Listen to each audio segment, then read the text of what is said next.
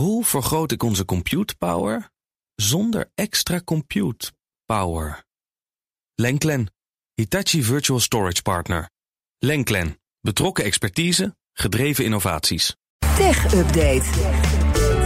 En daarom zit in de studio Stijn Goosens. Stijn, goedemorgen. Een hele goede morgen. Nou, de rechtszaak rond de overname van gamemaker Activision Blizzard geeft een klein beetje een inkijkje in hoe Microsoft strategische beslissingen neemt. Ja, de afgelopen dagen is in Amerika de rechtszaak gaande tussen de FTC en Microsoft over die of, uh, overname van Ja. Activision Blizzard. Microsoft- wil de gamemaker overkopen voor bijna 69 miljard dollar. Maar de FTC wil dat voorkomen met deze rechtszaak, want Microsoft zou, daarmee te veel macht krijgen volgens Mhm. hen. En 18 juli moet die deal rond zijn, anders moet Microsoft een soort schadevergoeding betalen Ja. aan Activision Blizzard van wel 3 miljard dollar. Van een boeteclausule, hè? als je niet voldoet aan de contractuele Precies. voorwaarden, dan moet Ja. je betalen. En terecht, maar dat Ja. wil je niet als Microsoft, dat Nee. snap ik ook wel. Nou, eh, door deze rechtszaak komen dus nu diverse interne stukken naar buiten. En die geven een mooi inkijkje in inderdaad die strategische keuken van Microsoft. Zo werd in 2019 nog gerept over de strijd met eh, concurrent Sony die Microsoft aangaat. Microsoft zou 2 tot 3 miljard dollar willen steken in het neerhalen van Sony. Zo zei Xbox Gamebaas Matt Booty eh, in een interne mail. En Microsoft heeft al beargumenteerd dat het gaat om een oude mailconversatie nog voordat deze overname Ja, ja. plaatsvond. Dus dit zou daar niks mee te maken Ze hebben. moeten dood, maar nu niet meer. Nee. Eh, verder komt eh, nu naar buiten dat Microsoft van plan was om, om, eh, om andere gamemakers ook op te kopen. Onder andere Bungie, bekend van het spel Destiny. En Sega natuurlijk, van Sonic. Ja. Die worden genoemd. De overnames zouden dan als doel hebben om dus die Xbox Game Pass abonnementen van Microsoft aantrekkelijker te maken. En over deze overnames werd in 2020 gesproken. En ook in 2021 stonden de partijen nog op de targetlijst. Maar er is uiteindelijk niks gebeurd. Het is niet bekend wat er dan in de tussentijd nog gebeurd is, waardoor die deals nog niet rondgekomen zijn. Uh, gamemaker Bungie is vorig jaar toevallig overgenomen door concurrent Sony. Kijk. En uh, begin van de eeuw was Bungie wel onderdeel van Microsoft, maar in 2000 uh, en de, toen maakten ze ook onder andere de game Halo, die is ook wel bekend. In 2007 uh, werd het onafhankelijk en nu is Sony ze dus ja, voor geweest.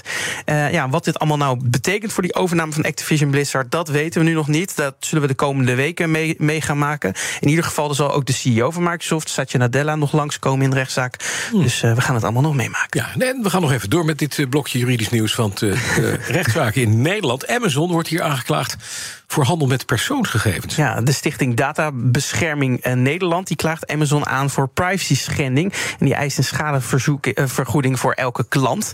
Uh, volgens de stichting werkt Amazon op grote schaal. Verwerkt Amazon op grote schaal persoonsgegevens van Nederlandse consumenten. En dat zou op illegale wijze gebeuren, zegt de stichting. De techgigant zou klanten volgen op andere websites zonder dat de mensen dat weten. En de gegevens worden vervolgens verkocht aan derde partijen. En daarmee verdient het bedrijf uh, geld. Uh, of, en ook dubbel geld volgens de stichting. Want klanten betalen ook nog tegelijkertijd voor een abonnement bij Amazon. Mm. En volgens de stichting is dat zelfs ernstiger dan wat Facebook doet. Die verzamelt natuurlijk ook heel veel data. Maar ja, die biedt gratis diensten aan. Dus dan betaal je logischerwijs met je data. En Amazon doet dat dus dubbel. Die vraagt geld en verzamelt data. Mooi, dan betaal je, dus... je betaalt voor het product en je bent zelf ook het product. Ja, ja dat is mooi, precies. Ja. Je bent dus een zelfbetalend product. Ja, ja. en dat mag mooi. niet, zeggen ze. Dus Nee. daar starten ze rechtszaak om. Uh, en die wordt gesteund door een uh, externe financierder. Die, die betaalt de rechtszaak in. Die heeft een soort voorschot erop. Die vangt dan bij, bij de winst van de rechtszaak 20% van het bedrag dat betaald moet worden. Klanten kunnen zich dus ook voegen bij die zaak om geld te vangen. En volgens de stichting kan dan een schadevergoeding oplopen tot 1 miljard euro. Maar in de praktijk loopt zo'n rechtszaak toch niet altijd op zo'n grote schadevergoeding uit. Of überhaupt op een vergoeding. En de stichting achter deze zaak die startte ook al eerder een zaak tegen Twitter om handel van, met gebruikersdata. Nog even naar verdrietig nieuws, want we hoorden het vannacht. De Nobelprijswinnaar John Goodenough is overleden. Nu is de man wel keurig netjes 100 jaar oud geworden. Ja. Oudste Nobelprijswinnaar ooit. Maar waar, waarom heeft hij deze uh, uh, de, de stukje... Nobelprijs gewonnen. Ja, precies. Ah, hij won die Nobelprijs en daarom zit het in deze tech-update... voor uh, ontwikkeling van de lithium-ion-accu. Hij zit in je telefoon. Ja, en dat ja. is wat, uh, ja, wat ervoor zorgt dat wij onze telefoons een dag of anderhalf kunnen gebruiken. Ja. Maar dat zit ook in de meeste elektrische auto's tegenwoordig. Eigenlijk alle mobiele apparatuur met een accu, ja, daar zit deze accu in. En ja, de John Goodenough die heeft daar dus op gewerkt. En hij is inderdaad de oudste Nobelprijswinnaar op 97-jarige leeftijd. In 2019 nog won hij deze Nobelprijs. Uh, dus voor het werk aan die lithium-ion-accu. In de jaren 80 werkte hij daaraan uh, met natuurlijk ook andere mensen. Aan uh, onder andere de Universiteit van Texas in Austin. En de rector magnificus Jay Hartzell die zegt ja, dat toch deze man decennia lang leider van toonaangevend onderzoek is geweest. En tot op zijn dood ook ja, op zoek is geweest naar innovatieve oplossingen voor energieopslag. En hij is niet alleen bekend van deze lithium-ion-accu. Hij werkt ook aan, hij werkte ook aan kwantummechanica. Hmm. Daar zijn we nu natuurlijk hard naar, naar mee bezig. En hij is de grondlegger van de moderne theorie van magnetisme. En dat is dan weer de basis voor het huidige communicatiesysteem dat we hebben. Hele dus, slim. Het is een hele, hele belangrijke man. Ja? En het jammer is, hij heeft nooit veel geld verdiend aan. Want hij, start, uh, hij uh, uh, gaf al zijn geld weer aan nieuw onderzoek uit. Hm.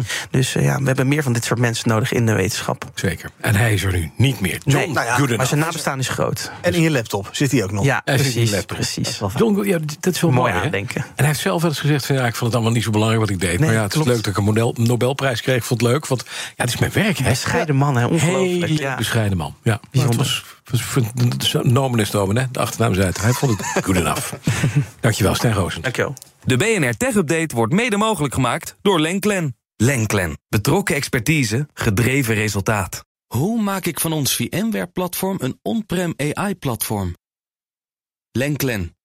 NVIDIA AI Enterprise Partner. Lenklen. Betrokken expertise, gedreven innovaties.